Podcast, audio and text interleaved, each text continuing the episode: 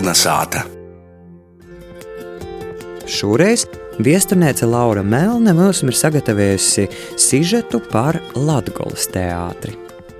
Latviešu teātra pirmsākumi Latgolā ir datējami vairākus desmitgadus vēlāk nekā porējā Latvijas teritorijā. Par pirmo amatieru teātra izrodi taišņu Rēzekņī tiek skaitīta 1907. gada decembrī Pīterburgas latgalīšu izvasto Rudolfa Blaumaņa Luga Zagļa latgalīšu valodā. Pīterburgas latviešu muzikaliskos biedrības piemērs mudināja arī rēzeknīšus aktivizētīs, jo organizēt pašiem savu kultūras dzēvi. Jau 1911. gadā Rēzeknī tika atklāta teātra zāle ar 600 vītām. Pēc Latvijas vaļas nūdibināšanas un atkarības kara noslēguma izglītības un kultūras dzīve Rēzeknī bija praktiski jāveido pilnīgi no jauna. Trūka infrastruktūras un cilvēku, izglītotu kultūras darbinieku un skatītoju. 1920. gada beigās ministru kabinets piešķīra līdzekļus teātra organizēšanai Rēzeknī, i 1921.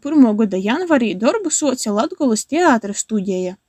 Jau 10. aprīlī pīsadulūt arī valdības porstovim notika Latgolas teātra atklošana ar Morisa Māterlinka lugus mosa Beatrise īstudējumu latgaliski. Tok drīži teātra vadības starpā sūcās nesaskaņas, trūka arī līdzekļu, ja augustā Latgolas teātris darbību portrauca.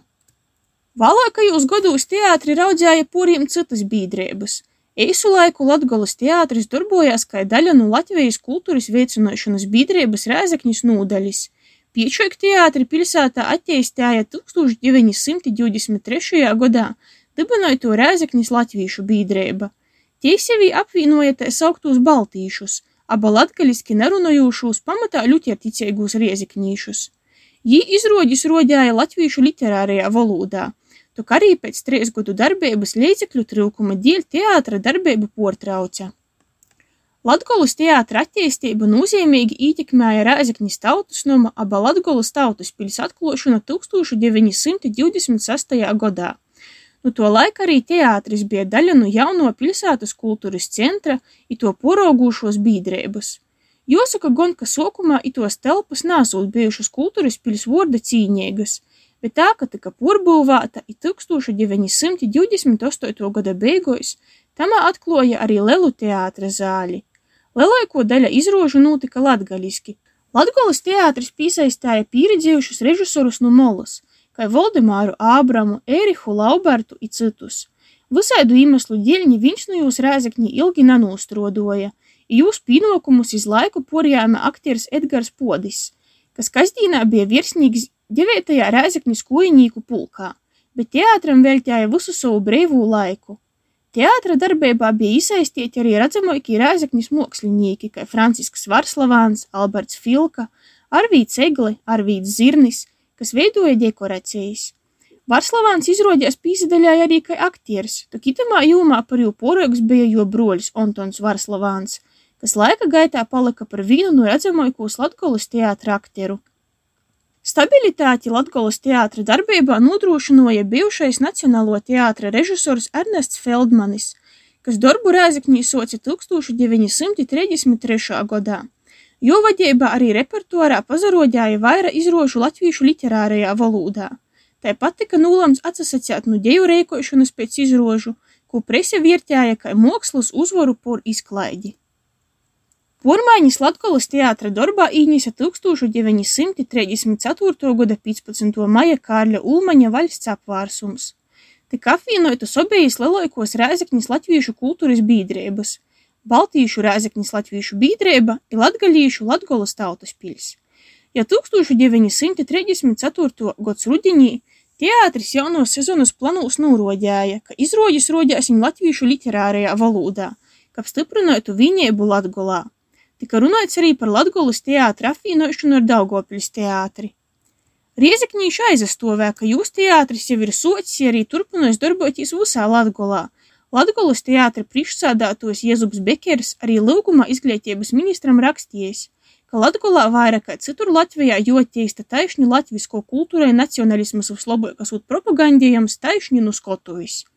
30. gadu otro puse bija Latgolas teātra uzplaukuma laiks. Teātris regulāri brauca vīsizrodēs neviņ pa Latgolu, bet arī vidzemi i tuvojku zemgaļas apleicīņi. Sezonā teātris nūspēlē ap simt izrožu, no kurūs viņa ceturto daļu notika Rēzekņī. Tok finansiālūs līdzekļu visot trūka, arī sadzīves apstākļi nebija vienkārši. Aktierim bīži uz skotuvis bija jospēlē pašam savos drēbēs, īpaši kostīmi tika nodrošinoti tikai viesturiskom lugom. Vīgli nav bijuši arī izbraukumi, kur bijis grūši aizbraukt, reizēm dagos nakšņot pat dzelzceļa stacijā. Tū nedaudz atrasinoja fakts, ka 1936. gadā teātram tika pišķirts savs vilcīņa vagons. 1937.